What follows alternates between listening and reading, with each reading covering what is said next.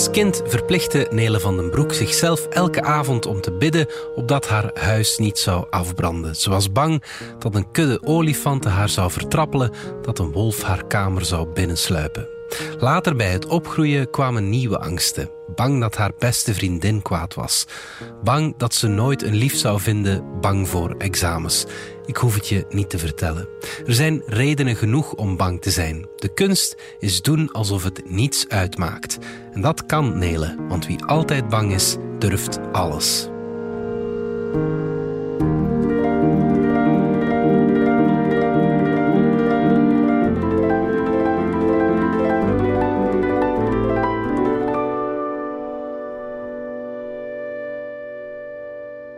Er is een zin uit een superheldenfilm waar ik meer aan denk dan behoorlijk is. In The Avengers uit 2012 valt een inwisselbaar monster New York aan. Want zo gaat dat in superheldenfilms. Inwisselbare monsters vallen regelmatig New York aan. Nooit is het eens Lokeren of Sint-Truiden of zo. De Avengers vechten zich te pletter met schilden en bogen en hamers en supersonische pakken, maar het ziet er niet goed uit voor de mensheid.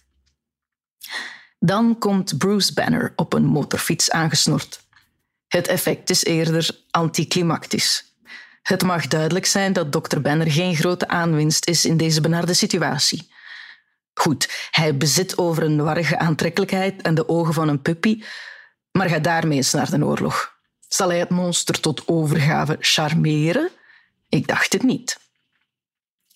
Echter, Wanneer Bruce Banner erin slaagt zich eens goed boos te maken, dan wordt hij de Hulk. Dat is meteen een heel ander verhaal. De Hulk zal dat inwisselbare monster wel even een poepie laten ruiken. Ha! Maar Bruce, vraagt Captain America bezorgd, zal je wel kwaad genoeg kunnen worden? Bruce Banner geeft hem een geruststellende grijns. Ziet u, kapitein, zegt hij, dat is nu mijn geheim. Ik ben altijd kwaad. Ik ben altijd kwaad. Het is nauwelijks op mij van toepassing. Ik ben nauwelijks kwaad of het zou op mezelf moeten zijn. Op zich is dat best jammer, want in tegenstelling tot verdriet kan kwaadheid een enorme energie met zich meebrengen.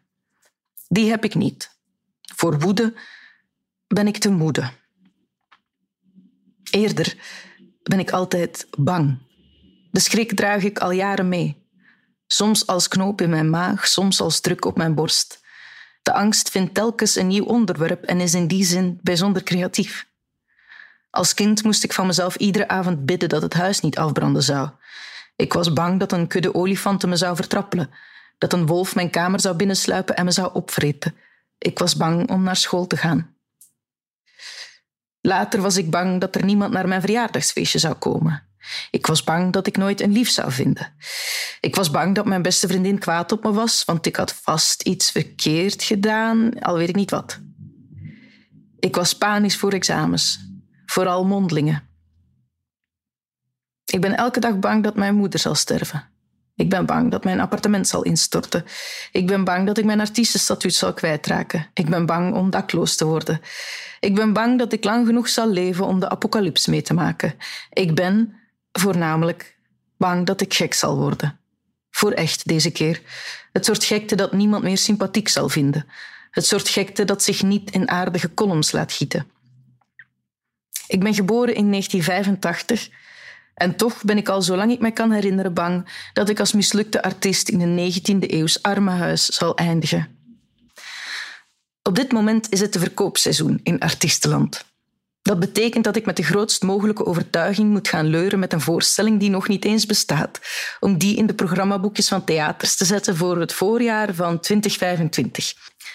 Ik verkoop een show aan theaters met een podium groter dan mijn hele appartement, waarop ik dan alleen met mijn ukulele aan een publiek eens ga vertellen hoe het zit. Als ik daaraan denk, dan vergeet ik soms in te ademen. Ik ben bang tot in mijn teennagels. Ik heb nu al nachtmerries over iets dat pas binnen anderhalf jaar gaat gebeuren. Waarom het toch doen? Omdat ik het de moeite waard vind. Omdat ik onder alle schrik toch het gevoel heb dat ik iets te vertellen heb. En omdat het voor de angst toch niet uitmaakt wat ik doe. Of ik in maart 2025 nu op een podium zal staan of onder een dekentje ligt te huilen. Ik zal toch bang zijn. Het is dus beter om desondanks te proberen iets van schoonheid en troost te creëren in de wereld. Ziet u, kapitein, dat is nu mijn geheim. Ik ben altijd bang. Net daarom durf ik alles.